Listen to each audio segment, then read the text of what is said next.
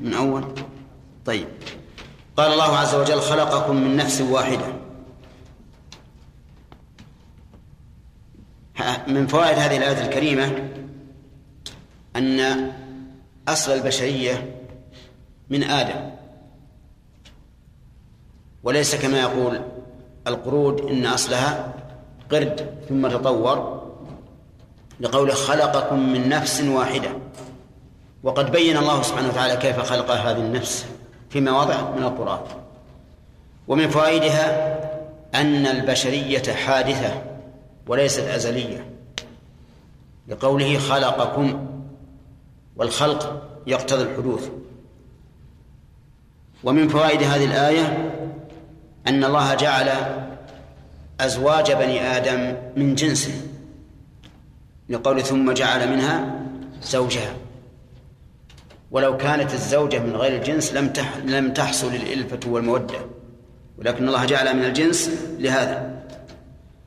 ومن فوائدها ما من الله به علينا من إنزال الأنعام الأصناف الثمانية. ومنها أن إنعام الله بهذه الأصناف الثمانية أكثر من إنعامه بغيره كالظباء والأرانب وما أشبهها. لأن لأن الله امتن بهذه الأصناف الثمانية دون غيرها لأنها أشد. نعمة الله أظهر وأبين ولأنها أنعام مألوفة وأليفة بخلاف الأنعام الأخرى. ومن فوائدها الإشارة إلى أن تكوين هذه الخليقة من زوجين كما قال تعالى ومن كل شيء خلقنا زوجين. فكل شيء من الخليقة فلا بد لتركيبه من زوجين. حتى المياه وحتى الهواء وحتى كل شيء. من كل شيء خلقنا زوجين. وهنا يقول ثمانية أزواج. ومن فوائد الآية الكريمة حكمة الله بيان حكمة الله عز وجل في تطوير الخلق. لقوله يخلقكم من في بطون أمهاتكم خلقا من بعد خلق. ولو شاء لخلقنا طورا واحدا ولكن حكمته تأبى ذلك. بل يتطور الإنسان من طور إلى آخر للتدرج في الخلق كما أن التدرج أيضا في التشريع هو الحكمة. فالشرع لم ينزل جملة واحدة يكلف الناس به من أوله إلى آخره ولكن نزل بالتدريج. وما نحن فيه من الحمل لو أن هذا الحمل نشأ في بطن الأم دفعة واحدة لكان في ذلك ضرر عليها. لكن يتطور وينمو شيئا فشيئا حتى يتسع البطن شيئا فشيئا بدون مشقة على الأم. ومن فوائد الآية الكريمة أن منة الله سبحانه وتعالى على البشر في أنه يطورهم في هذا الخلق في مكان لا يمكن أن يصل إليه أحد. لقوله في ظلمات ثلاثة. كما قال تعالى فجعلناه في قرار مكين إلى قدر معلوم. ومن فوائدها حماية الله الجنين بكونه في هذه الظلمات الثلاث. لأن أشعة الضوء ربما تضره فجعل الله سبحانه وتعالى جعله في هذه الظلمات الثلاث ومن فوائدها أن القادر على هذا على هذا هو المستحق للألوهية والعبادة. لقوله ذلكم الله ربكم له الملك لا إله إلا هو فأنا تصرفون. ومن فوائدها أيضا انفراد الله سبحانه وتعالى بالملك. لقوله له الملك فلا مالك إلا الله. وهل الملك ملك التصرف الكوني أو الكوني والشرعي؟ نعم الكوني والشرعي فلا مالك إلا الله كونا ولا مالك إلا الله شرعا. ولهذا له الحكم الكوني والشرعي عز وجل. ومن فوائدها النداء الصارخ في تسفيه هؤلاء القوم الذين اتخذوا من دونه أولياء. بعد ظهور هذه الآيات العظيمة. لقوله فأنا تصرفون. فأنا تصرفون يعني كيف تصرفون عن الحق مع وضوحه وبيانه. ثم قال وهو ابتداء درس اليوم إن تكفروا فإن الله غني عنكم. إن تكفروا. تكفروا بمن؟ تكفروا بالله وبما يجب الإيمان به فإنكم لن تضروا الله لن تضروا الله لأن الله غني عنكم ولم يأمر الله سبحانه وتعالى العباد بعبادته والإخلاص له لحاجته إليهم ولكن لمنفعتهم هم لأنهم يثابون على هذا أعظم الثواب. وينجون به من العقاب. أما الله عز وجل فإنه لا يضره إذا كفر كل الخلق. إن تكفروا ولو كل الخلق فإن الله غني عنكم. وقد جاء في الحديث القدسي يا عبادي لو أن أولكم وآخركم وإنسكم وجنكم كانوا على أفجر قلب رجل واحد منكم ما نقص ذلك من ملك شيئا. لو كان الناس كلهم بل البشر وغير البشر. لو كانوا على أفجر قلب رجل لم ينقص ذلك من ملك الله شيئا ولن يضر الله شيئا. ولهذا قال فإن الله غني عنكم ولا يرضى لعباده الكفر. ولا يرضى لهم الكفر أن يكفروا بالله.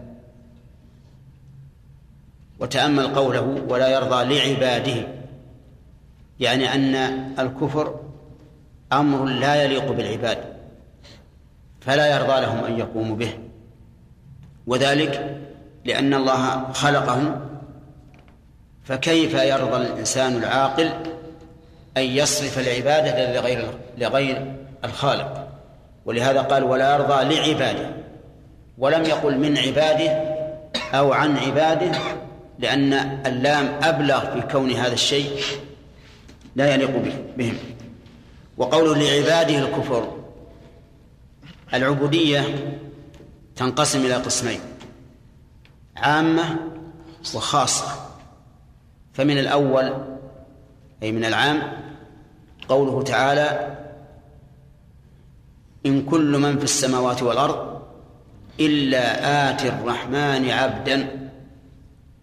إن كل إن هنا بمعنى الأخ. لا اللي أمامك. أي نعم. إن هذه بمعنى إيش؟ إن كل من في السماوات والأرض إلا آتي الرحمن عبدا ها؟ إن؟ بمعنى ما. بمعنى ما.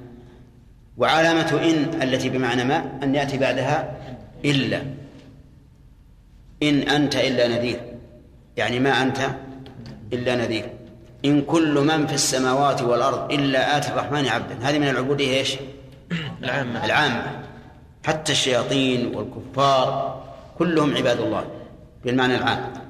المعنى الخاص العبادة الخاصة القسم الخاص في العبادة عبادة المؤمنين وهي العبادة الشرعية أي التعبد لله تعالى شرعا وهذه خاصة بمن؟ بمن أطاعه فقط. خاصة بمن أطاعه. ومن ذلك قوله تعالى وعباد الرحمن الذين يمشون على الأرض هونا وقوله في الرسل إنهم عباد الله واذكر عبادنا إبراهيم وإسحاق ويعقوب أولي الأيدي والأبصار. هذه عبودية خاصة. قوله ولا يرضى لعباده هنا. هل هي من العامة أو من الخاصة؟ من العامة. يعني لا يرضى الكفر لأي واحد من عباد الله. نعم. ولا يرضى لعباده الكفر. قال وإن وإن أراده من بعضهم. هذا كلام جيد. يعني هو لا يرضاه لكن يريده. يريده من بعضهم.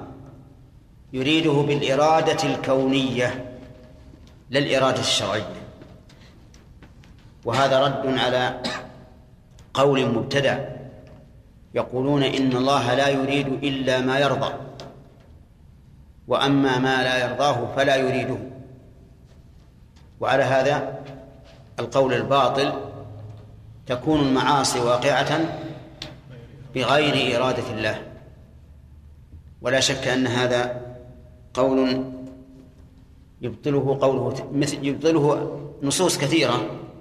مثل قوله تعالى فمن يريد الله أن يهديه يشرح صدره للإسلام ومن يريد أن يضله يجعل صدره ضيقا حرجا كأنما يصعد في السماء. فالله عز وجل مريد لهذا وهذا. لكن بالإرادة إيش؟ الكونية لأن الكل ملك سبحانه وتعالى. ولهذا قال وإن أراده من بعضهم يعني فإرادته من بعضهم لا يقتضي أن يكون راضيا به. إذ قد يريد ما لا ما لا يرضى. فإن قال قائل كيف يريد ما لا يرضى؟ وهل أحد يكرهه؟ قلنا لا لا يكره أحد. لكن يريد ما لا يرضى لحكمة بالغة. لو كان الله تعالى لا يريد إلا ما يرضى لأصبح الناس كلهم مؤمنين. ولم يكن هناك ميزة للمؤمن من الكافر ولم يقم علم الجهاد ولا الأمر بالمعروف والنهي عن المنكر ولا ملئت النار كما وعدها الله عز وجل إلى غير ذلك من المصالح العظيمة التي تنتج عن وجود الكفر في عباد الله. قال وإن تشكروا الله فتؤمنوا يرضه لكم إن تشكروا مقابل إن تكفروا. لأن الإنسان في نعم الله بين كافر وشاكر. إن تشكروا يرضه لكم وهو لا يرضى لعباده الكفر. وتأمل كيف قال في الكفر إن الله غني ولا يرضى. وهنا قال إن تشكروا يرضه لكم. فبدأ في جواب في جواب الشرط في إن تكفروا ببيان غناه عن الخلق. عز وجل. أما الشكر فإنه هو الذي يثيب عليه ولهذا قال إن تشكروا يرضه لكم فإذا فإذا رضيه فإذا رضيه فسوف يثيبكم سوف يثيبكم قال الله تبارك وتعالى إن الذين آمنوا وعملوا الصالحات أولئك هم خير البرية. جزاؤهم عند ربهم جنات عدن تجري من تحتها الأنهار خالدين فيها أبدا رضي الله عنهم ورضوا عنه ولهذا أثابهم الجنات. أسأل الله يجعلني وإياكم منهم. نعم. قال يرضه لكم يرضه لكم. في في هذا الفعل إشكال من الناحية النحوية فإنه جواب الشرط ومع ذلك فهو مفتوح. قل لي يا نعم. أجب عن هذا الإشكال. كيف كان مفتوحا وهو جواب الشرط؟ هنا. نعم إن تشكروا هذا فعل الشرط. يرضه جواب الشرط. فلماذا كان مفتوحا وهو جواب الشرط؟ اي نعم. والفعل المضارع ما يكون مرفوع ولا مجزوم؟ نعم. نعم. الأول ليس فعلا ماضيا يا شيخ. تشكر فعل ماضي؟ فعل ماضي شكرتم.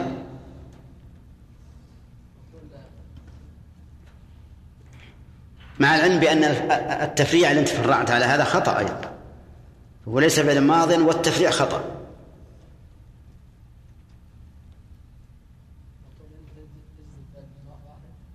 وش أبطلت من, من أول الدنيا إلى اليوم. لا تتم له فعل واحد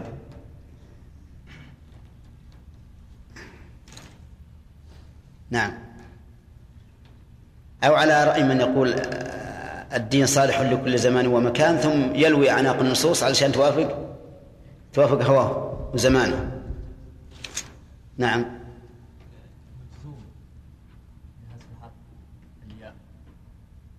أليا وين اللي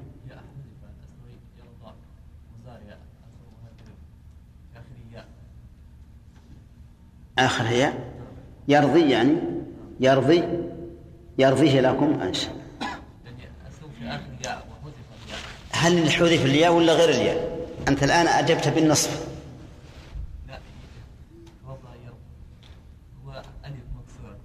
أي الذي حذف الألف. إذن هو مجزوم بحذف الألف. صحيح يا جماعة؟ صح. أي نعم. طيب إذن يرضى هذه جواب الشرط وهو مجزوم بحذف الألف.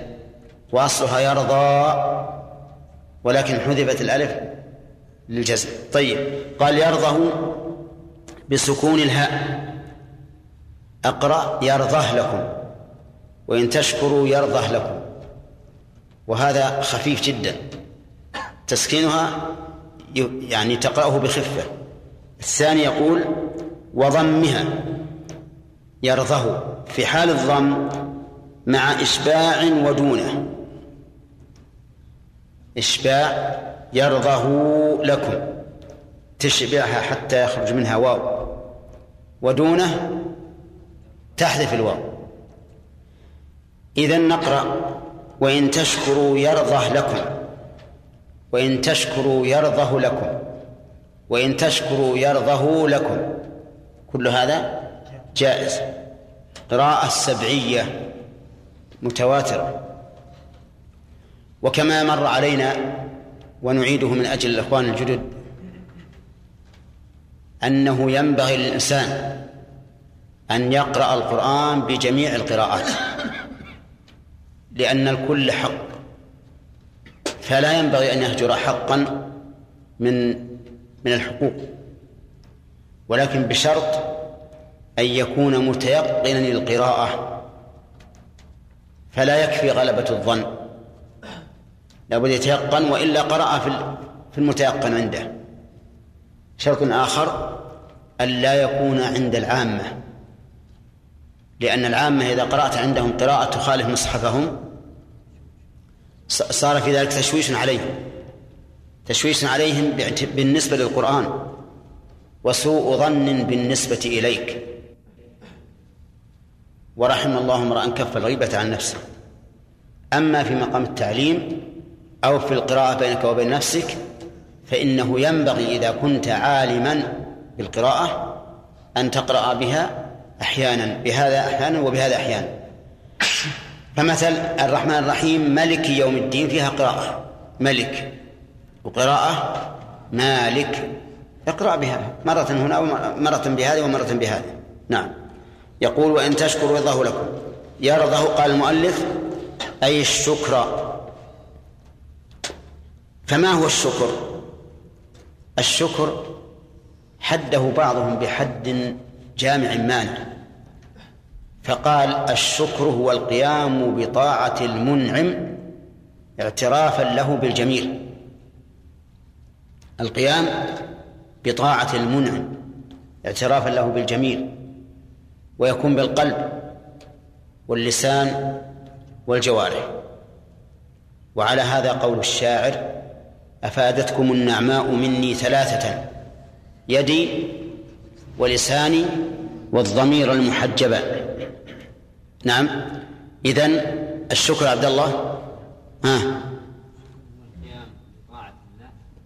بطاعة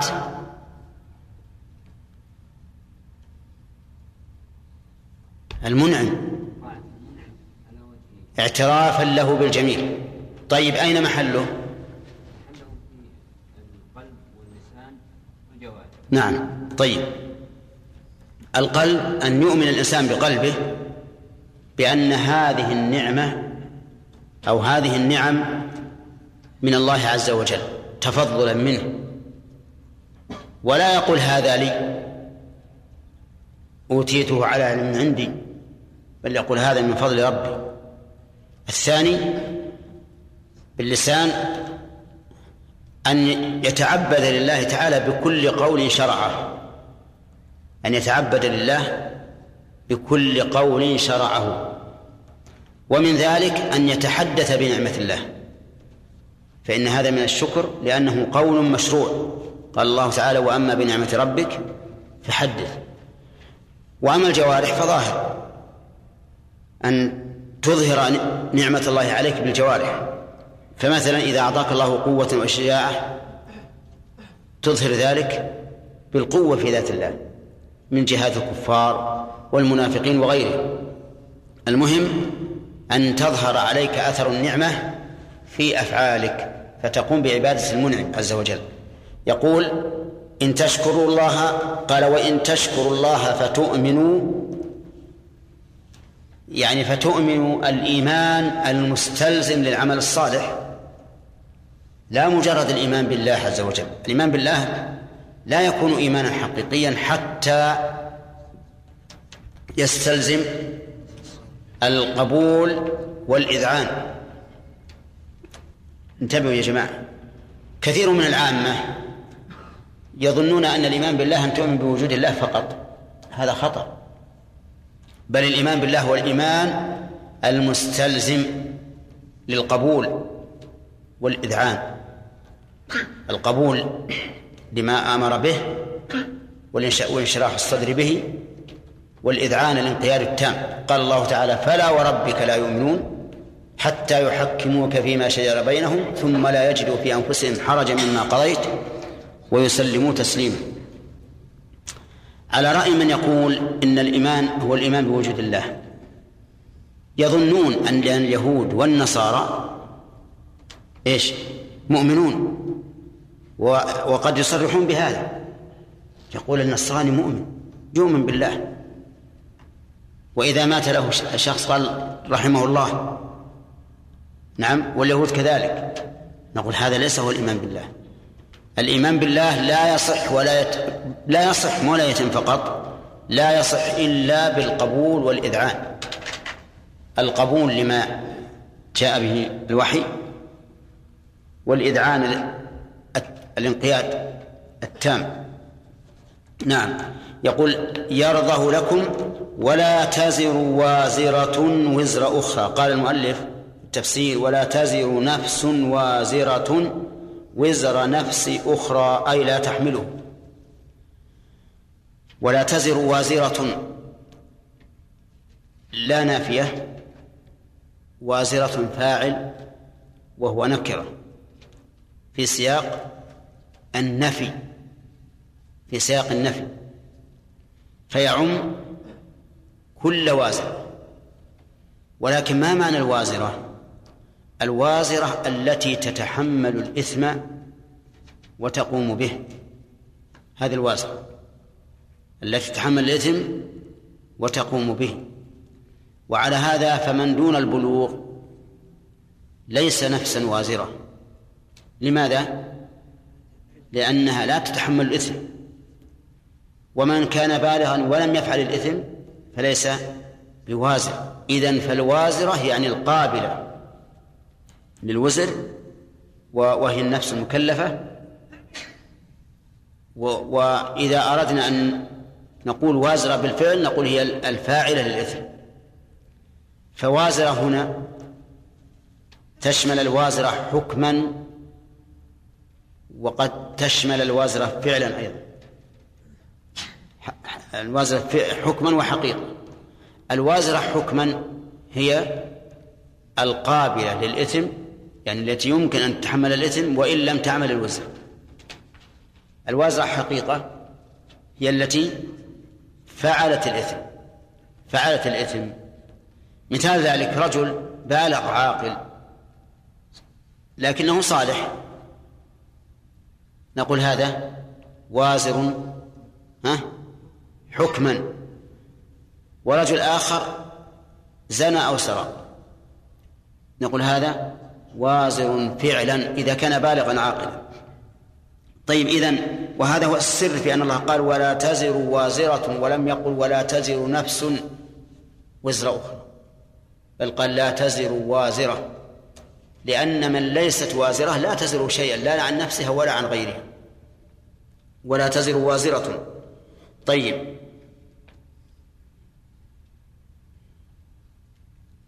وزر أخرى. أي إثم نفس أخرى. ومعنى لا تزر أي لا يلحقها وزره أي الإثم. ولهذا فسره المؤلف بقوله أي لا تحملوا لا تحمل وازرة وزر أخرى. ثم قال ثم إلى ربكم مرجعكم. ثم يعني بعد. الشكر من الشاكر والكفر من الكافر. لا تزر نعم يكون إلى الله وحده المرجع ثم إلى ربكم مرجعكم. وفي هذه الجملة حصر طريقه تقديم ما حقه التأخير لأن قوله إلى ربكم خبر مقدم ومرجعكم مبتدا مؤخر. وقول ثم إلى ربكم مرجعكم ولم يقل إلى الله لأن المقام هنا مقام ربوبية لأن رب هو المالك المتصرف الخالق. فكان المناسب أن يقول إلى ربكم. ولو قال إلى الله مرجعكم لصح لأن الله تعالى أيضا هو المستحق للعبادة ولا يستحق العبادة إلا من كان ربا. وقوله إلى ربكم مرجعكم متى؟ يوم القيامة. ولكن اعلموا أن كل من مات فقد قامت قيامته لأنه انتقل من دار العمل إلى دار الجزاء. قال شيخ الإسلام ابن تيمية رحمه الله في العقيدة الوسطية ومن الإيمان باليوم الآخر الإيمان بكل ما أخبر به النبي صلى الله عليه وسلم مما يكون بعد الموت. مع أن مع أن الذي يكون بعد الموت قبل قيام الساعة. لكن من مات فقد قامت قيامته. نعم. ثم إلى ربكم مرجعكم. فينبئكم بما كنتم تعملون. ينبئكم يخبركم. لكن قد قيل إن النبأ لا يكون إلا في الأمر الهام. لا يكون إلا في الأمر الهام بخلاف الخبر فيكون حتى في الأمور التوافه. وقال بعض العلماء هما بمعنى واحد. وقول ثم ينبئكم بما كنتم تعملون بما ما اسم موصول. بمعنى الذي وعائدها محذوف وهو المفعول به في قوله تعملون أي بما كنتم تعملونه. وما الموصولية بل وجميع أسماء الموصولة تفيد إيش؟ العموم تفيد العموم. والدليل على أن الأسماء الموصولة تفيد العموم قوله تعالى والذي جاء بالصدق وصدق به أولئك هم المتقون فأعاد الضمير الإشارة إليه. إيش؟ جمعا مع أنه مفرد. وهذا يدل على أنه يفيد العموم. إذن كل ما نعمل كل ما نعمل من خير وشر وصغير وكبير وسابق ولاحق فإن الله تعالى ينبئنا به أي يخبرنا به. وتأمل اللطف والإحسان حيث قال ينبئكم ولم يقل يؤاخذكم لأنه ثبت في الصحيح أن الله عز وجل يخلو بعبده المؤمن فيقرره بذنوبه ويقول عملت كذا في يوم كذا وعملت كذا في يوم كذا حتى يعترف. ثم يقول الله له قد سترتها عليك في الدنيا وأنا أغفرها لك اليوم. شوف يا أخوان إنباء بدون مؤاخذة. ولهذا قال هنا ينبئكم بما كنتم تعملون. ثم المؤاخذة إليه. الإنباء وعد عليه والمؤاخذة إليه. إن الله لا يغفر أن يشرك به ويغفر ما دون ذلك لمن يشاء. ولهذا كان الكفار لا ينبؤون بعملهم كما ينبأ المؤمن يعني أن الله يخلو به ويستر عليه ويقرر بذنوبه معه وحده. بل إنه والعياذ بالله ينادى على رؤوس الأشهاد هؤلاء الذين كذبوا على ربهم ألا لعنة الله على الظالمين؟ والله أعلم. نعم.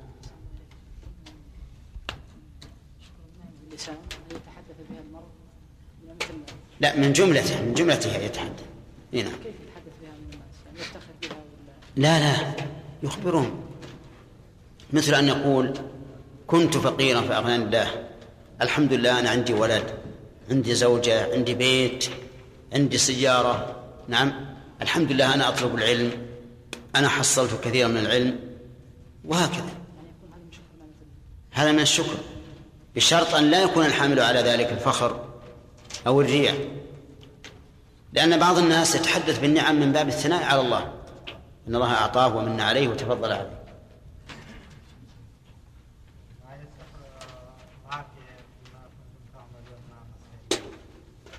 يصلح. لكن الموصول أحسن. يصلح.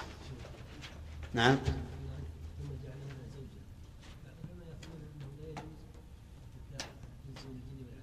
إيش؟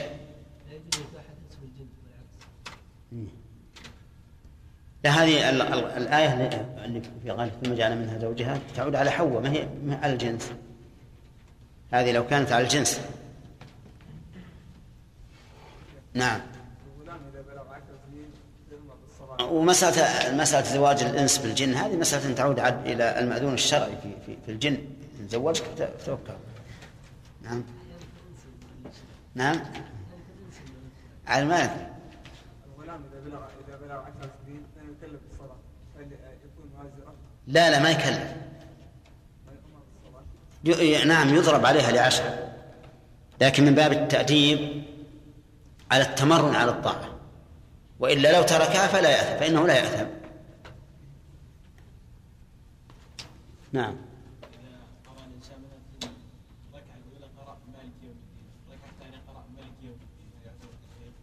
لا لا بأس ما في مانع. لا حرج. تبارك وتعالى إن تكفروا فإن الله غني عنكم. ولا يرضى لعباده الكفر. أظن أخذنا الفوائد. آه إلى آخر. نعم يقول عز وجل فينبئكم بما كنتم تعملون إنه عليم بذات الصدور. قوله إنه عليم بذات الصدور أي الله عز وجل عليم بذات الصدور وهي القلوب. ودليل هذا قوله تعالى فإنها لا تعمى الأبصار ولكن تعمى القلوب التي في الصدور. فالمراد بذات الصدور أي صاحبة الصدور القلوب. وإنما ذكر الله هذه الجملة بعد قوله فينبئكم بما كنتم تعملون للإشارة إلى أن الحساب يكون على ما في القلب كما في قوله تعالى إنه على على رجعه لقادر يوم تبلى السرائر. وقال تعالى أفلا يعلم إذا بعثر ما في القبور وحصل ما في الصدور. فالمدار يوم القيامة على ما في القلب. أما في الدنيا فالمدار على الأعمال الظاهرة. ولهذا كان النبي صلى الله عليه وسلم يعامل المنافقين صل جنب صاحب. يعامل المنافقين معاملة المسلمين لأنهم كانوا يتظاهرون بالإسلام.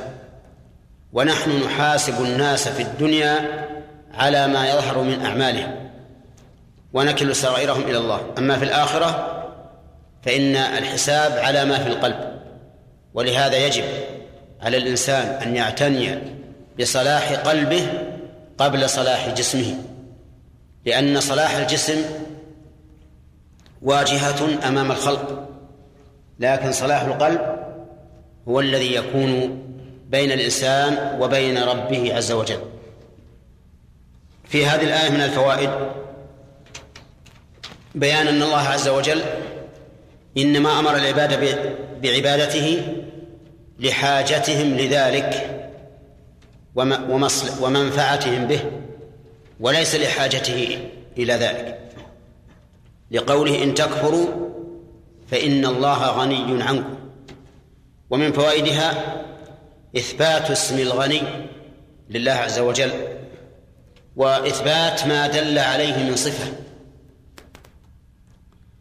لأن كل اسم من أسماء الله متضمن لصفة وليست كل صفة متضمنة لاسم.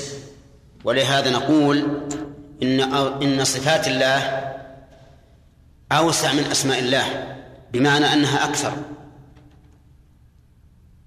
ووجه ذلك ظاهر. إذا قلنا كل اسم متضمن لصفة تساوت الأسماء والصفات. على أن الاسم الواحد يمكن أن يتضمن عدة صفات. لكن لنقل على أدنى تقدير أنه لم يتضمن إلا صفة واحدة. فإذا قلنا كل اسم متضمن لصفة تساولت تساوت الأسماء والصفات. هناك صفات لا يمكن أن يشتق منها أسماء كثيرة جدا وبهذا تبين أن الصفات أوسع وأكثر من الأسماء. ومن ومن فوائد هذه الآية أن الله عز وجل لا يرضى الكفر للعباد لأنه غير لائق بهم. إذ هم عباد الله فاللائق بهم أن يقوموا بطاعته وعبادته ولا يليق بهم أن يكفروا به. ومن فوائد هذه الآية الكريمة إثبات الرضا لله لقوله ولا يرضى وقول فيما بعدها وإن تشكروا يرضه لكم. والرضا صفة من من صفات الله الفعلية لأنه متعلق بمشيئته. وكل وصف يتعلق بمشيئة الله فإنه يسمى عند أهل السنة صفة فعلية. وكل وصف معلق بسبب وكل وصف معلق معلق بسبب فإنه من الصفات الفعلية لأنه يوجد عند وجود السبب. والحق أن الرضا صفة حقيقية لله عز وجل كالفرح والعجب والضحك وما أشبه ذلك. وزعم أهل التعطيل أن المراد بالرضا الثواب ففسروه بشيء بائن عن الله منفصل عنه مخافة أن تتعلق به الأفعال الاختيارية. وهذا من جهله وذلك لأننا إذا فسرناه بالثواب فالثواب لا يقع إلا بإرادة. الثواب لا يقع إلا بإرادة. والإرادة لا تكون إلا حين يوجد سبب الرضا. وحينئذ تكون الإرادة حادثة. فهم فروا من شيء ووقعوا في مثله مع تحريفهم للنصوص بصرفها عن ظاهرها وتعطيلهم للصفة التي دل عليها النص. فهذه ثلاثة محاذير. شوف كيف الذين يحرفون الكلمة عن مواضعه يقعون في ثلاثة أمور ثلاثة محاذير. المحذور الأول أنهم وقعوا في مثل ما فروا منه. فإن كان ما فروا منه محذورا فما وقعوا فيه محذور. الثاني أنهم حرفوا النص عن ظاهره صرفوه إلى معنى آخر.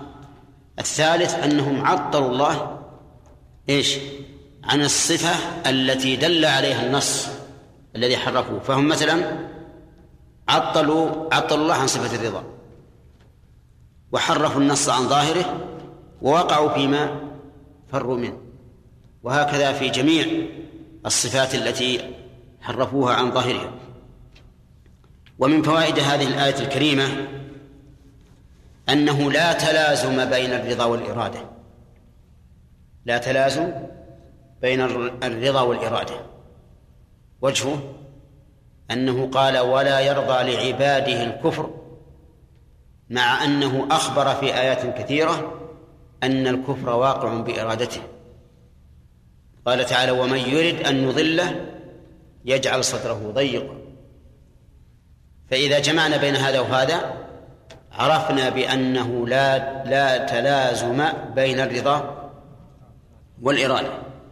فقد يريد ما لا يرضاه وقد يرضى ما لا يريده قد يرضى ما لا يريده فهو مثلا يرضى من من كل من كل واحد واحد من الناس أن أن يشكر لله. وهل أراد ذلك؟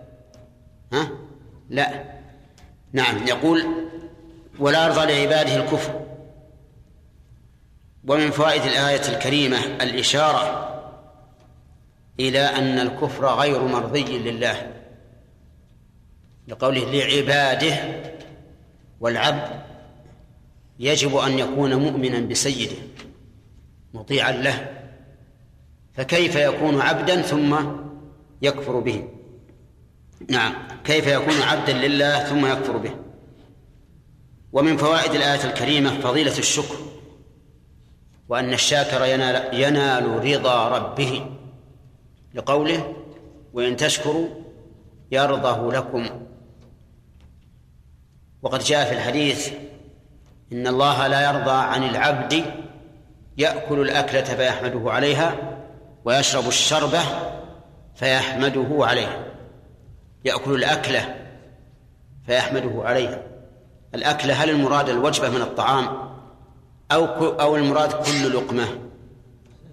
ها؟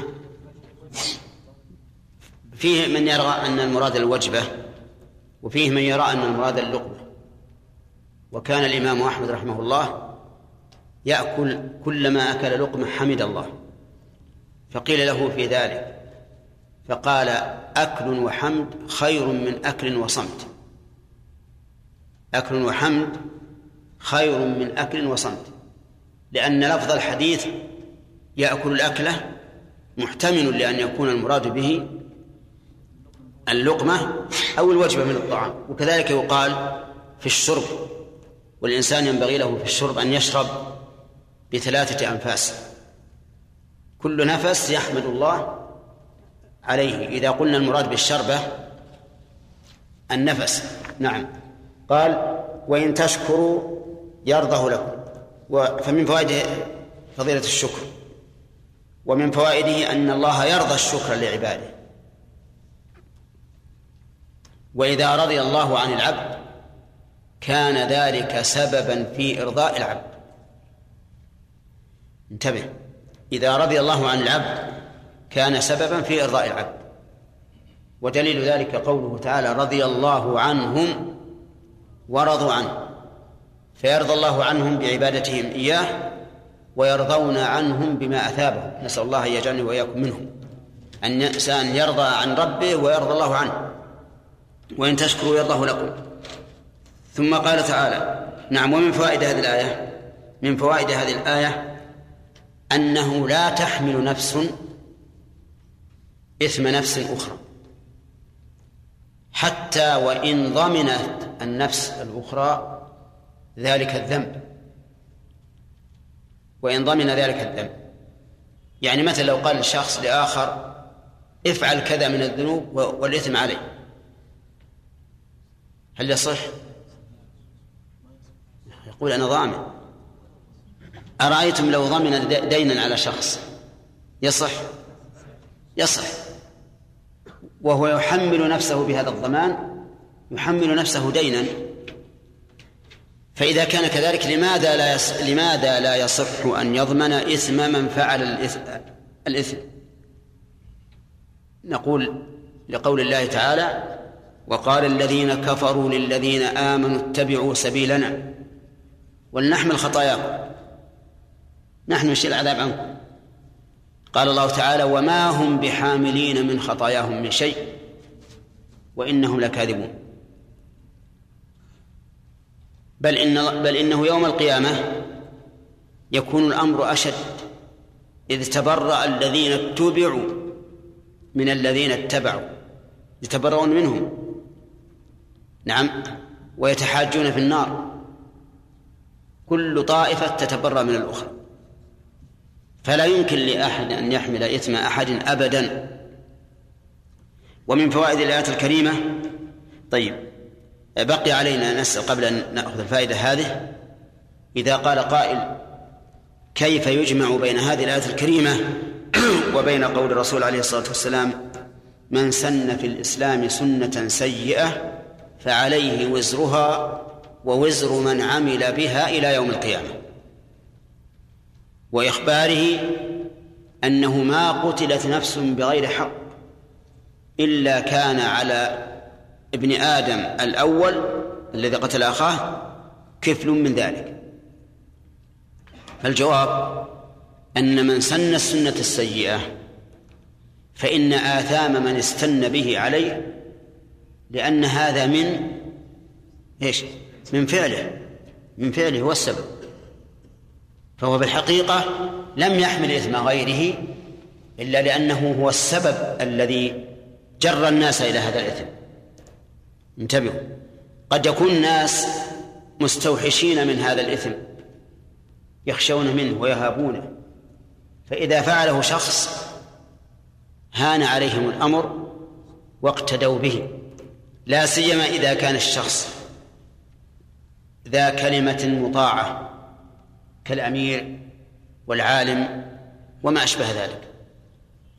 إذن لا تعارض بين الآية والحديث. ها؟ وجهه. أن من سن السنة السيئة فإنه عمل العمل الذي به الإثم. والسبب في اقتداء الناس به. ومن فوائد الآية الكريمة الإشارة الإشارة إلى أن الإثم إنما يتحمله من كان قابلا له. لقوله وازرة وازرة وزر أخرى. والوازرة هي التي تكون أهلا لتحمل الوزر. والذي يكون أهلا لتحمل الوزر هو من جمع وصفين البلوغ والعقل. لقوله في الحديث الصحيح رفع القلم عن ثلاثة عن النائم حتى يستيقظ وعن المجنون حتى يفيق وعن الصغير حتى يبلغ. صححه كثير من أهل العلم. طيب.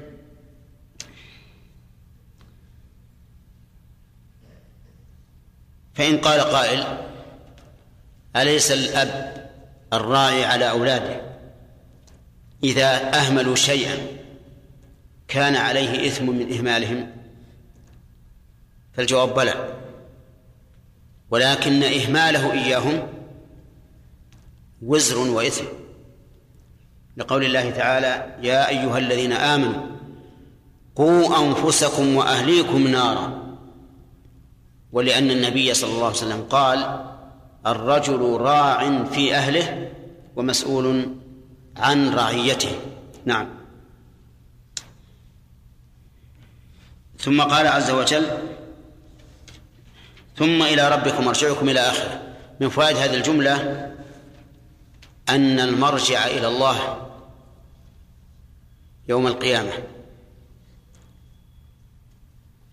ويتفرع على هذه الفائدة وجوب الاستعداد لهذا اللقاء وهذا المرجع والاستعداد له يكون بترك المعاصي وفعل الطاعات. هذا الاستعداد. ما دام المرجع إلى الله لا يمكن أن أن ترجع إلى غيره مهما كان. مرجعك إلى الله عز وجل. فهو منه المبتدأ وإليه المنتهى. ومن فوائدها بيان شمول علم الله. لقوله فينبئكم بما كنتم تعملون. بالذي كنتم تعملون كله صغيره وكبيره. والخطاب لجميع الناس. وهذا يدل على شمول علم الله عز وجل. وهو كذلك. فعلم الله تعالى واسع محيط بكل شيء. وقد نبه الله سبحانه وتعالى على بيان كيف كان واسعا. فقال ألا يعلم من خلق؟ وهو اللطيف الخبير. ألا يعلم من خلق؟ يعني إذا كان الله هو الخالق وهذا شيء مقر به.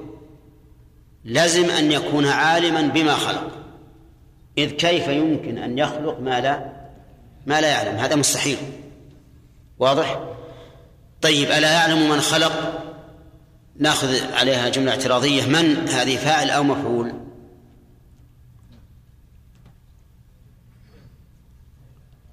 يجوز فيها الوجهان.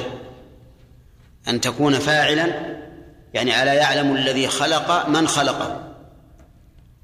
ويجوز أن تكون مفعولا به أي ألا يعلم الله من خلقه. ومعلوم أن الخالق أن الخالق والمخلوق بينهما تلازم فلا خالق إلا بخلق ومخلوق ولا مخلوق إلا بخالق. نعم. ومن فوائد هذه الآية الكريمة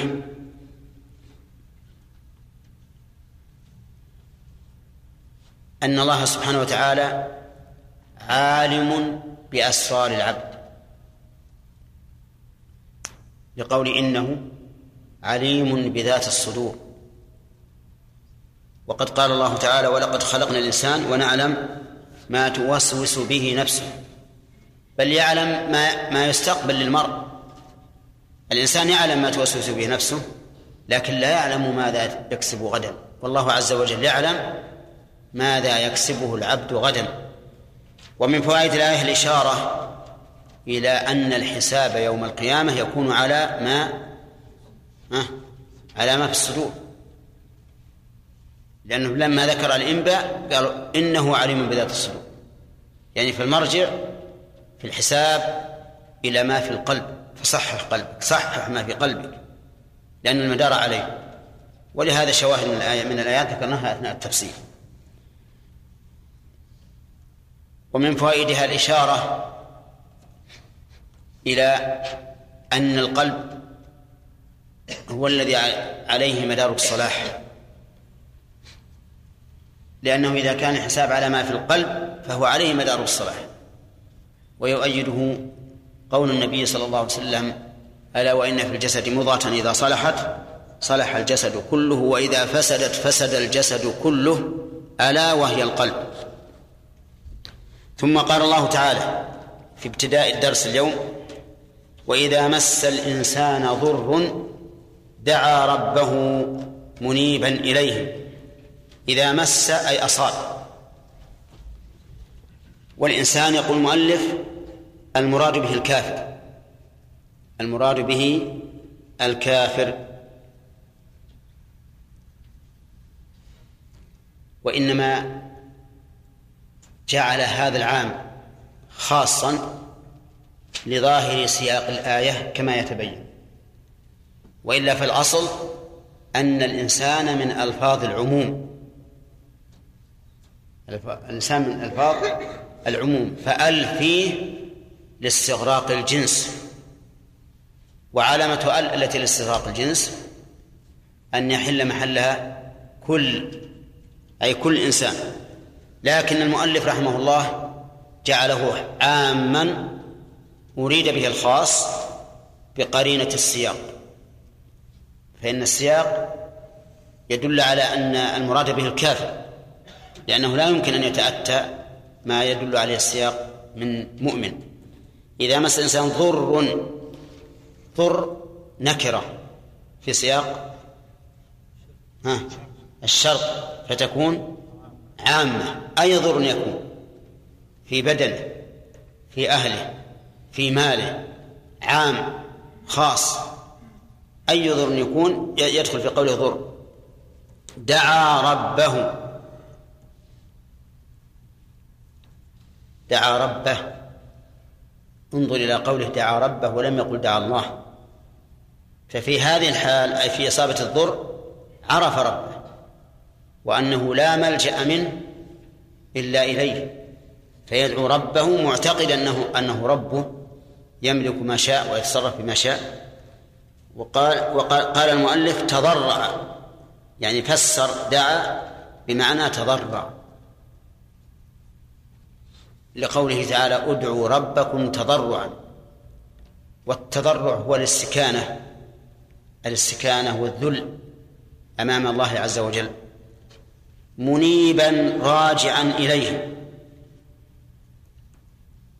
فإذا دعا ربه منيبا إليه كشف الله ضره لأنه سبحانه وتعالى قال أمن يجيب المضطر إذا دعاه ويكشف السوء ويجعلكم خلفاء الأرض.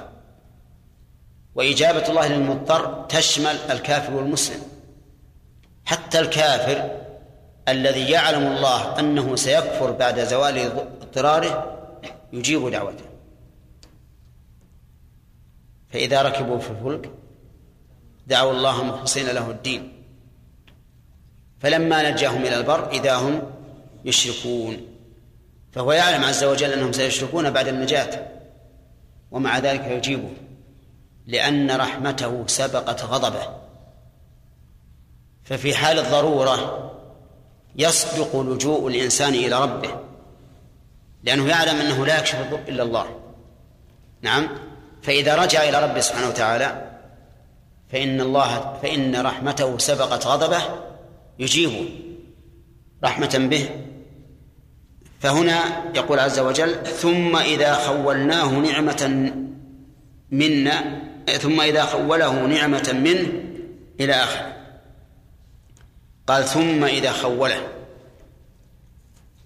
يعني كأن هذا والله أعلم إشارة إلى أنه بعد أن تغمره النعمة ويستمر فيها وقتا ينعم به بعد ذلك يكفر. وقوله إذا خوله نعمة قال أعطاه. تفسير لإيش؟ لخوله. إنعاما تفسير لنعمة. أما تفسير خوله بأعطاه فواضح. وأما تفسير إنعاء نعمة بإنعام فلا وجه له. لأن المعطى ليس الإنعام وإنما المعطى النعمة. وعلى هذا فإبقاء الآية على ظاهرها أولى مما ذهب إليه المؤلف رحمه الله. انتبه. إذا أعطيناه إنعاما لا يستقيم الكلام. لماذا؟ لأن الإنعام فعل الله. فعل الله. والمعطى هو النعمة وليس فعل الله. فإبقاء الآية على ظاهرها لا شك أنه هو الموافق للواقع. طيب يقول إذا خوله نعمة منه منه من هنا للابتداء أي نعمة صادرة من الله عز وجل يتبين بها أنها فضل محض من الله. نعم نسي ترك ما كان يدعو يتضرع إليه من قبل وهو الله. انظر يا أخي كان يتضرع إلى الله عز وجل في أن يكشف عنه الضر. كشف الله عنه الضر وأعطاه نعمة زائدة على على كشف الضر. ماذا تكون حاله؟ قال نسي ما كان يدعو إليه من قبل. والنسيان هنا بمعنى الغفلة وليس المراد به ذهول القلب. طيب وإن المراد الغفلة المتضمنة للترك. ومن ذلك قوله تعالى فويل للمصلين الذين هم عن صلاتهم ساهون أي غافلون عن صلاتهم. نسي ما كان يدعو إليه من قبل. يقول ما كان يدعو يتضرع إليه من قبل. إليه الضمير يعود على الله عز وجل. وما تعود على الله. ولهذا قال المؤلف رحمه الله فما في موضع من؟ ما في قوله ما يدعو ما كان يدعو في موضع من؟ يعني معنى يعني مراد المؤلف أن ما بمعنى من أي نسي من كان يدعو إليه من قبل. نسي من كان يدعو إليه. يعني من يدعو إليه من يوجه الدعاء إليه أو كما قال المؤلف يتضرع إليه وهو الله عز وجل فغفل. وما وما كأن الله أنعم عليه بكشف الضر وتخويله النعمة. نسي ما كان يدعو إليه من قبل وجعل لله أندادا. الأنداد ما غفل عنه والواحد القهار غفل عنه والعياذ بالله. مع أن الأنداد لم تنفعه ولم يتضرع إليها حين أصابه الضر. ومع ذلك يقبل عليها ويدع من أنعم عليه. وجعل لله أندادا شركاء. والأنداد جمع ند. والند هو المسامي. المسامي لنده. المماثل له. فيجعل الله أندادا. بماذا؟ في العبادة. يعبد هذه الأصنام كما يعبد الله عز وجل. ينظر لها كما ينظر لله يذبح لها كما يذبح لله. وهكذا. نعم. قال تعالى ليضل عن سبيله بفتح الياء وضمها عن سبيله دين الإسلام. أندادا ليضل. اللام هذه إما أن تكون للتعليل وإما أن تكون للعاقبة. بالكم يا جماعة. فإن كانت فعلى قراءة الفتح ليضله فاللام للعاقبة. يعني جعل لله أندادا أدت به إلى الضلال. وإن كانت بضم الياء ليضل فاللام للتعليل. يعني جعل لله أندادا ليقتدي به الناس في فيضلوا والآية فيها قراءتان. يضل ويضل. فيضل تعود إلى نفسه ويضل تعود إلى غيره. طباله وهاتان القراءتان كلاهما صحيح أو كلتاهما صحيح. وكل واحدة تفيد معنى يكمل معنى الأخرى. فهو يضل بنفسه ويضل غيره أيضا. انتبهوا. اللام قلنا انها للعاقبه متى؟ على أي قراءة؟ ها؟ على قراءة الفتح. يعني أنه إذا اتخذ أندادا صار عاقبته الضلال. وتكون للتعليل على أي القراءتين؟ على الضم. يعني جعل الله أندادا ليقتدى به فيضل غيره. فيضل غيره. طيب لام العاقبه هل تأتي في في اللغة العربية؟ نعم تأتي. قال الله تعالى فالتقطه آل فرعون ليكون لهم عدوا وحزنا. هل آل فرعون التقطوا موسى من أجل أن يكون لهم عدوا وحزنا؟ أبدا. عسى أن يكون عسى أن ينفعنا أو نتخذه ولدا. لكن العاقبة صار عدوا وحزنا وتأتي زائدة تأتي اللام زائدة. كما في قوله تعالى إنما يريد الله ليذهب عنكم الرجس. إنما يريد الله ليذهب عنكم أي أن يذهب. وكما في قوله يريد الله ليبين لكم. يريد الله ليبين أي أن يبين. وإنما قالوا إنها زائدة لأن أراد تتعدى بنفسها لا باللام.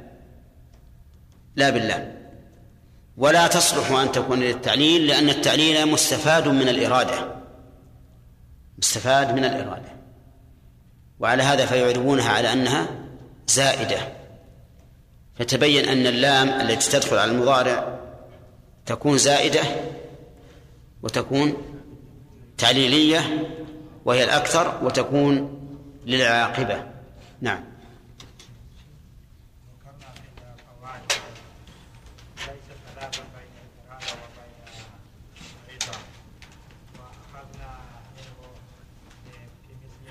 ليس خلاف. ليس خلاف. نعم صح في بعض الاشياء في اراده ولا يريد الله من البعض نعم. بدون ويرضى يرضى بدون نعم صح. أحسن. هو يرضى من الكافر أن يسلم ولكنه لم يرد أن يسلم. فهنا. هذا هو. هذا هذا وجه هذا وجه لا تلازم أنه قد يوجد الرضا بلا إرادة وتوجد الإرادة بلا رضا. وتوجد وتوجد يوجد رضا وإرادة. هذا. الكافر. الكافر. ما الذي يرضى الله منه؟ أن يسلم. لا يرضى الكفر الله ما يرضى الكفر يرضى الشكر. فيرضى من هذا الكافر أن يشكر ويؤمن. لكن هل أراد الله أن يشكر ويؤمن؟ لو أراد الله لوقع. واضح؟ طيب. وزرة وبين ما ورد أن الميت يعذب ببكاء أهلها عليه نعم. هذا أيضا صحيح. ينبغي أن يورد على الآية. ينبغي أن يورد على الآية. وهو أن الرسول عليه الصلاة والسلام ثبت عنه أن الميت يعذب ببكاء أهله عليه. عائشة رضي الله عنها قالت إن المراد بذلك الكافر. إن المراد بذلك الكافر. ولا شك أنها رضي الله عنها بشر تخطئ وتصيب. وذلك لأن الكافر يعذب سواء بكى عليه أهله أم لا. لكن هي أرادت أن تقول إن معنى الحديث أن الكافر لا يعذب وأهله يبكون عليه. جعلت هذا معنى الحديث واستدلت بالآية. ولكننا نقول لا لا يستقيم هذا هذا التأويل. بل معنى الآية أن المراد بالعذاب التألم التألم النفسي وليس التألم البدني. ونظير هذا قول الرسول صلى الله عليه وسلم السفر قطعة من العذاب. مع أن المسافر لا يتعذب تعذبا بدنيا قد يكون من آنس ما يكون إذا كانت الأرض مخصبة. والإبل طيبة والرفاق أصحاب وش يكون السفر ها؟ نزهة نزهة. ومع ذلك فهو قطعة من العذاب القلبي. صح؟ نحن في الطائرة مستريحون. مكندشة. دفء في الشتاء وبرودة في النهار. لا برودة في الصيف. ونشرب القهوة والعصير ونأكل التمر وكل ما طلبنا يأتي. نعم. ومع ذلك القلب متألم هو مثل الإنسان المستقر في بيته. فالعذاب الذي في القبر هو هذا هذا النوع من العذاب. وقال بعض العلماء يعذب عذابا بدنيا. يعاقب عقوبة بدنية. ولكن هذا في من أوصى أهله أن ينوحوا عليه. وإن كان هذا لم يذكر بالحديث لكن يحمل الحديث على ما تقتضيه النصوص الأخرى. وقال بعضهم هذا في الرجل الذي يعلم من أهله أن ينوحوا عليه ولم ينههم. والفرق بين هذا الثاني بين القول هذا واللي قبله واضح. الذي قبله أوصاهم وهذا لم ينههم. ما أوصاهم لكن يعلم أنهم يفعلون فلم ينههم. فهذه أربعة أقوال في الحديث وأصحها أن المراد بالعذاب أه العذاب النفسي العذاب النفسي وليس العذاب البدني. لقوله تعالى ولا تزر وزرة وزر نعم.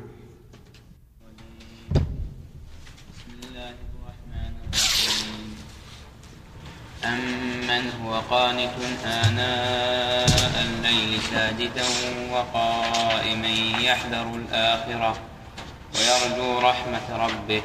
قل هل يستوي الذين يعلمون والذين لا يعلمون؟ إنما يتذكر أولو الألباب. قل يا قل يا عبادي الذين آمنوا اتقوا ربكم للذين أحسنوا قل يا عبادي الذين أسرفوا اتقوا ربكم إيش إيش؟ قل يا عبادي الذين آمنوا اتقوا ربكم للذين أحسنوا في هذه الدنيا حسنة وأرض الله واسعة إنما يوفى الصابرون أجرهم بغير حساب. بس. أعوذ بالله من الشيطان الرجيم. قال الله تبارك وتعالى وإذا مس الإنسان ضر دعا ربه منيبا إليه. ما المراد بالإنسان هنا؟ فهد. الكافر. لماذا لا نحمله على العموم؟ كما حملنا قوله تعالى وخلق الإنسان ضعيفا على العموم. ما هو السياق؟ وجعل الله أندادا أحسن. طيب. هل يسوغ في اللغة العربية أن يستعمل العام بمعنى الخاص؟ كثير. ومن غير الآية هذه.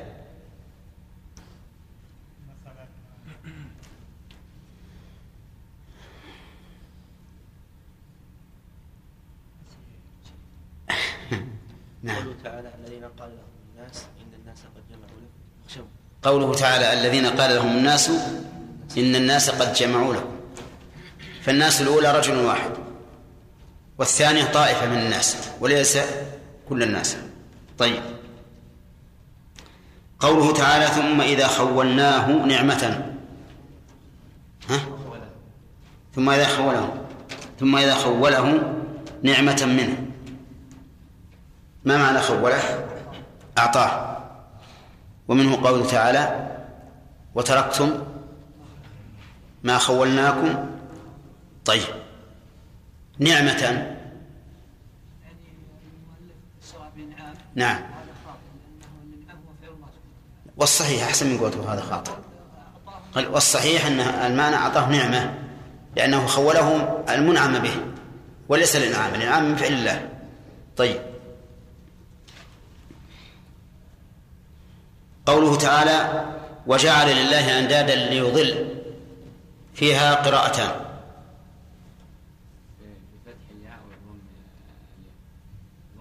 اقرأ اقرأهما. نعم أحسنت أحسنت.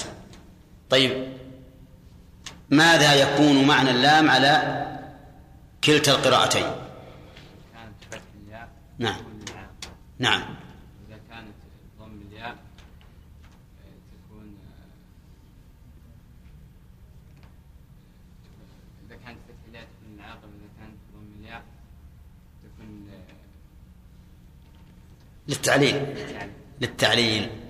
عبد القادر يبين لنا اللام الداخلة على المضارع تكون للعاقبة وللتعليل كما في, في هذه الآية. وهل لها معنى ثالث؟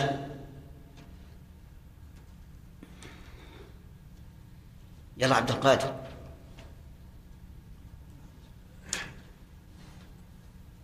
نحن نظنك صاحب نحو.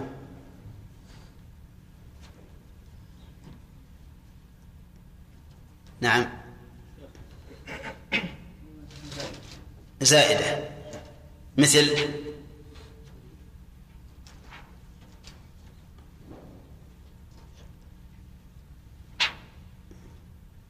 نعم. لا لا لا.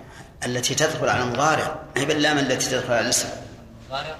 اي تأتي زائدة لكن نريد المثال الآن يأتي بمعنى أن لا حول ولا قوة إلا بالله. نعم. مثل يريد الله ليبين يريد الله ليبين لكم. يريد الله ليبين. اللام هنا زائدة. زائدة. ليش؟ لأن الإرادة تدل على معناها. لو قال الله عز وجل يريد الله أن يبين لكم. ها؟ صح. صح. استقام الكلام. طيب. نعم. قال الله تبارك وتعالى قل تمتع بكفرك. نعم. وقفنا على يضل. نعم. قال الله تعالى ليضل عن سبيله أو ليضل عن سبيله. سبيله أي دينه أي طريقه الموصل إليه. أي طريقه الموصل إليه. طريق الله الموصل إليه. هذه سبيل الله. والسبيل يضاف إلى الله تارة كما في هذه الآية وكما في آيات أخرى كثيرة. ويضاف إلى المخلوق كما في قوله تعالى قل هذه سبيلي أدعو إلى الله. فما هو الجمع بينهما؟ الجمع بينهما أنه يضاف إلى الله باعتبار أنه هو الذي وضعه وأنه موصل إليه باعتبار أن الله هو الذي وضعه وأنه موصل إليه. ويضاف إلى إلى غير الله إلى المخلوق باعتبار أنه هو السالك له. إذن فما فسبيل الله يعني هو الذي شرع هذا السبيل ووضعه للعباد وهو يوصل إلى إلى الله. سبيل الرسول هذه سبيلي أدعو إلى الله أي طريقي الذي أسلكه. ومثل ذلك يقال في الصراط. صراط الله وصراط الذين أنعمت عليهم. فصراط الله باعتبار أنه هو الذي وضعه وأنه موصل إليه. وصراط الذين أنعمت عليهم باعتبار أنهم هم الذين يسلكونه وقوله يضل عن سبيله قال المؤلف دين الإسلام. وهذا تفسير للكلمة بمرادها. لأن التفسير للقرآن أحيانا يكون تفسيرا لفظيا. وأحيانا يكون تفسيرا معنويا. التفسير اللفظي أن تفسر اللفظ بمعناها والتفسير المعنوي أن تفسر اللفظ بالمراد بها. فمثلا دين الإسلام لا يطابق في المعنى اللفظي لسبيل لأن السبيل في اللغة الطريق. السبيل هو الطريق. هذا في اللغة. لو قيل لك فسر سبيل تقول يعني طريق. لكن السبيل المراد به دين الإسلام. المراد به دين الإسلام. لأن دين الإسلام وهي وهو شرائع الإسلام يوصل إلى الله عز وجل. والذي وضعه هو الله سبحانه وتعالى. إذن المؤلف فسر السبيل هنا بالمعنى اللفظي أو بالمعنى المرادي. بالمعنى المرادي. يعني أن المراد بذلك كذا وكذا. وقول دين الإسلام واضح. أنه هو سبيل الله. لأن الله هو الذي شرعه سبحانه وتعالى ولأن من سلكه أوصله إلى الله. قال الله تعالى قل تمتع بكفرك قليلا بقية أجلك إنك من أصحاب النار. أعوذ بالله. قل الخطاب للرسول عليه الصلاة والسلام. ويحتمل أن يكون الخطاب يا محبوب لكل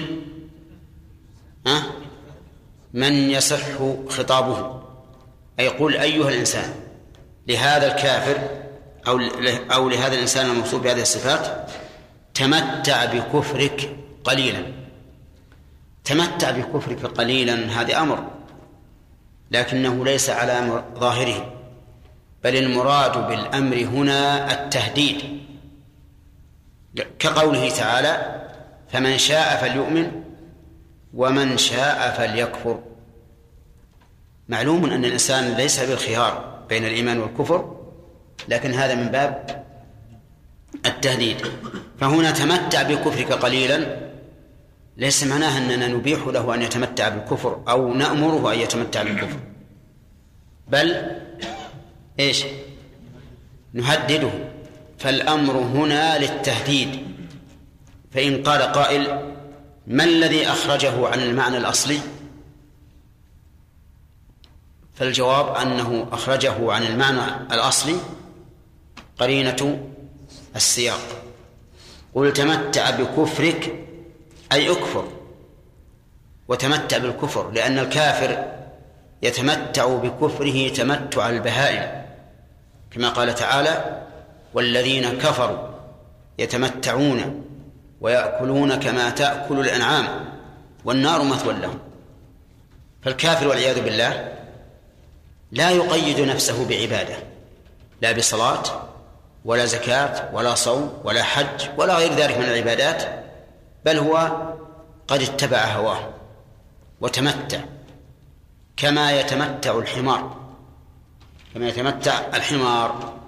وفي النهاية قال إنك من أصحاب النار كقوله تعالى يتمتعون ويأكلون كما تأكل الأنعام والنار مثوى لهم. وما أسرع وما أسرع وصوله إلى النار لأن الدنيا قليل. الدنيا قليل أي زمن قليل. مهما طال بك العمر فإنه إذا وافك الأجل كأن لم تلبث إلا ساعة من نهار. وإذا شئت تصديق هذا فاعتبر ما مضى من عمرك بما بقي. اعتبر ما مضى. الآن كلنا يختلف سنه عن الآخر لكن كلنا كأننا ولادة هذه الساعة. كأننا ولادة هذه الساعة. يعني كل اللي مضى ها كأنه لم يكن كأنه لم يكن. هكذا يكون بقية العمر. مهما طال بالإنسان العمر فإنه إذا جاء أجله كأنه لم يكن. ولهذا قال تمتع بكفرك قليلا وإن طالت بك وإن طال بك العمر. يقول بقية أجلك إنك من أصحاب النار. الجملة هذه مؤكدة بإن يعني ومهما تمتعت فمآلك إلى النار. إنك من أصحاب النار. وأصحاب النار إنما تطلق على الذين يخلدون فيها. فالمؤمن العاصي وإن كان يستحق العذاب بالنار فإنه لا يسمى من أصحاب النار. لأن الأصل في الصحبة طول الملازمة. هذا الأصل في الصحبة طول الملازمة إلا في مسألة واحدة ما هي؟ ها؟ من؟ الصحابة الصحابة مع الرسول صلى الله عليه وسلم لو اجتمع بالرسول صلى الله عليه وسلم مؤمنا به ولو لحظة صار من أصحابه نعم يقول إنك من أصحاب النار. النار هي الدار التي أعدها الله عز وجل للكافرين. وقد بين الله تعالى في الكتاب وبين رسوله صلى الله عليه وسلم في السنة ما فيها من أنواع العذاب. إن الذين كفروا بآياتنا سوف نصليهم نارا كلما نضجت جلودهم بدلناهم جلودا غيره ليذوقوا العذاب. إن الله كان عزيزا حكيما. وقال الله تعالى إن شجرة إن شجرة الزقوم طعام الأثيم. كالمهل يغلي في البطون كغلي الحميم. خذوه فاعتلوه إلى سواء الجحيم ثم صبوا فوق رأسه من عذاب الحميم. أعوذ بالله. يصب فوق رأسه من عذاب الحميم. الماء الحار الشديد الحرارة. ذق إنك أنت العزيز الكريم. وهذا من باب التهكم به. إنك أنت العزيز الكريم. يعني وأين عزتك وأين كرمك؟ في الدنيا يرى نفسه سيدا شريفا ولكنه في الآخرة يهان إلى هذه الإهانة. المهم أن أن أنواع العذاب والعياذ بالله نعوذ بالله من النار نعوذ بالله من النار نعوذ بالله من النار. أنواع العذاب في النار شيء والعياذ بالله. إذا تصوره الإنسان فإنه يتبين له شدة ما يلاقي هؤلاء من العقوبة الشديدة. يقول عز وجل أمن هو قانت آناء الليل إلى آخره أمن هو قال أمن بتخفيف الميم أمن. وعلى هذا فيكون تكون الكلمة مركبة من همزة الاستفهام ومن. من الاستفهامية نعم يقول بل من الموصولة؟ همزة الاستفهام ومن الموصولة؟ أي الذي هو قانت إلى آخره. هو قانت قائم بوظائف الطاعات. القنوت يطلق على معاني متعددة منها الخشوع. كقوله تعالى وقوموا لله قانتين. ومنها الدعاء في الدعاء في الوتر أو في الفرائض عند النوازل. ومنها دوام الطاعة كقوله تعالى وصدقت بكلمات ربها وكتبه وكانت من القانتين. ومثال الأول حافظوا على الصلوات والصلاة الوسطى وقوموا لله قانتين أي خاشعين. ولهذا لما نزلت هذه الآية أمر الصحابة بالسكوت ونهوا عن الكلام. نعم. فهنا قانت من أي المعاني الثلاثة؟ ها؟ من دوام الطاعة. نعم. أمن هو قانت؟ قال المؤلف قائم بوظائف الطاعات. يعني مديم لها.